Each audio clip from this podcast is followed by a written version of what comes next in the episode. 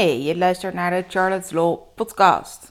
Dit is een opname van een van de video's, dus ook die kun je terugkijken. Elke dinsdag is er een nieuwe te vinden op YouTube.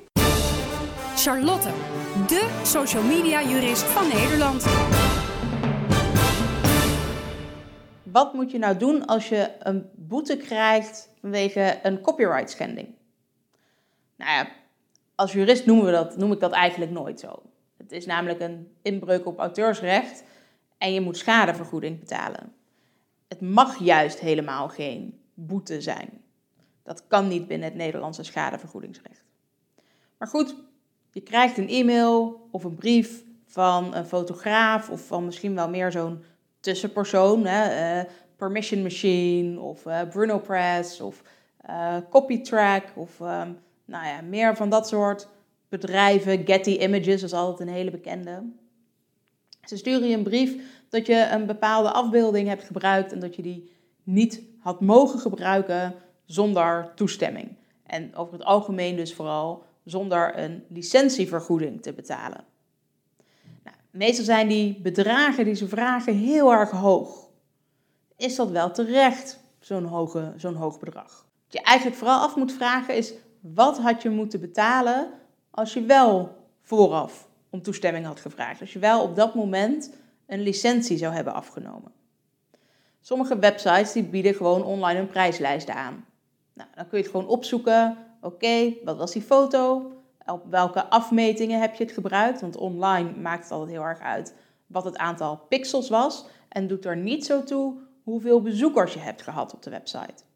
Wat weer wel uit kan maken is hoe lang de foto online heeft gestaan. Dat kun je allemaal opzoeken in zo'n tarievenlijst. Dus sommige die bieden het steeds aan met een licentie per jaar, maar andere korter. Sommigen zeggen nou is het nu maar één keer te betalen. Uh, en dan mag je het altijd blijven gebruiken. Dat noemen ze dan ook wel eens royalty free. Eén keer betalen en daarna nooit meer. Um, als je dat op kunt zoeken, dan is dat ook eigenlijk altijd je weerwoord. Je zegt oké, maar als ik wel vooraf toestemming zou hebben gevraagd, dan zou ik dit en dat hebben moeten betalen. Dus dat zou dan eigenlijk de juiste schadevergoeding zijn. Nou, dan mag je wel ook nog, of ja, mag, moet eigenlijk, in principe ook nog wel wat betalen voor de opsporingskosten of de juridische kosten.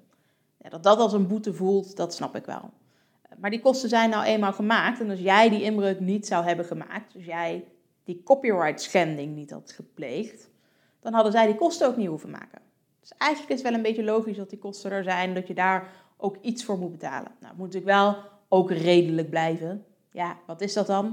Nou, sommige rechters vinden wel dat een ondernemer altijd eerst zelf even contact op moet nemen en niet meteen al juridische kosten moet maken. Dus daar heb je misschien nog wel wat speling om niet meteen het hele bedrag te hoeven betalen. Let er vooral ook op dat er soms wel extreme bedragen worden gevraagd die gewoon simpelweg niet kunnen kloppen. Dus zowel aan juridische kosten als dat duizenden euro's zijn, ja, daar moet je natuurlijk niet mee akkoord gaan.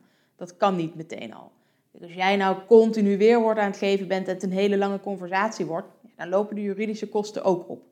Maar niet meteen al bij de allereerste brief. Kun je de licentievergoedingen van de fotograaf meestal uh, of van de beeldbank niet online vinden? Of heb je daar speciale toegang toe nodig die je natuurlijk niet gaat krijgen van die wederpartij? Nou, moet je in elk geval zorgen dat ze wel onderbouwen hoe hoog die schade dan is. Zomaar een bedrag noemen, ja, dat slaat natuurlijk nergens op. Waar rechters meestal mee akkoord gaan, zijn de bedragen van Stichting Foto Anoniem. Dat is een stichting waar je eigenlijk al een licentie zou kunnen kopen als je absoluut niet kunt achterhalen wie de maker is van zo'n foto. Nou, dan heb je ook meteen een hele lijst met hoe groot is die foto en hoe lang wil je het gebruiken, et cetera. Ehm, dan betaal je in principe wel voor de foto ja, zonder dat je afspraken hebt gemaakt over naamsvermelding. Daarom kan het wel eens zijn dat je daar bijvoorbeeld nog 50 of 75 procent extra voor moet betalen als naamsvermelding ontbreekt. Komt dus de wederpartij, dus die fotograaf of die beeldbank of die vertegenwoordiger daarvan, aan met een bedrag dat wel in de buurt ligt van foto anoniem, dan krijg je er niet zo heel vaak nog wat van af. Ligt het nou heel veel hoger, dan moeten ze echt wel kunnen onderbouwen waar dat bedrag dan vandaan komt. Wat je vooral ook niet moet doen, is wat sommige Duitse partijen namelijk wel doen. Die sturen je een brief en die zeggen dan, nou je moet dit ondertekenen, de foto moet offline gehaald worden. Maar ja, de exacte bedragen, die spreken we dan later nog wel af. Maar dan teken je er al voor dat het bedrag wat zij gaan vorderen, wat zij aan jou gaan vragen, dat je daarmee akkoord gaat. Ja, dat kan natuurlijk niet. Je kunt alleen maar akkoord gaan met iets waarvan je al weet hoe dat in elkaar zit, hoe hoog dat bedrag is.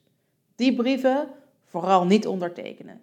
Vooral terugsturen, goh, als ik al fout zou zitten, dan wil ik het er best van afhalen.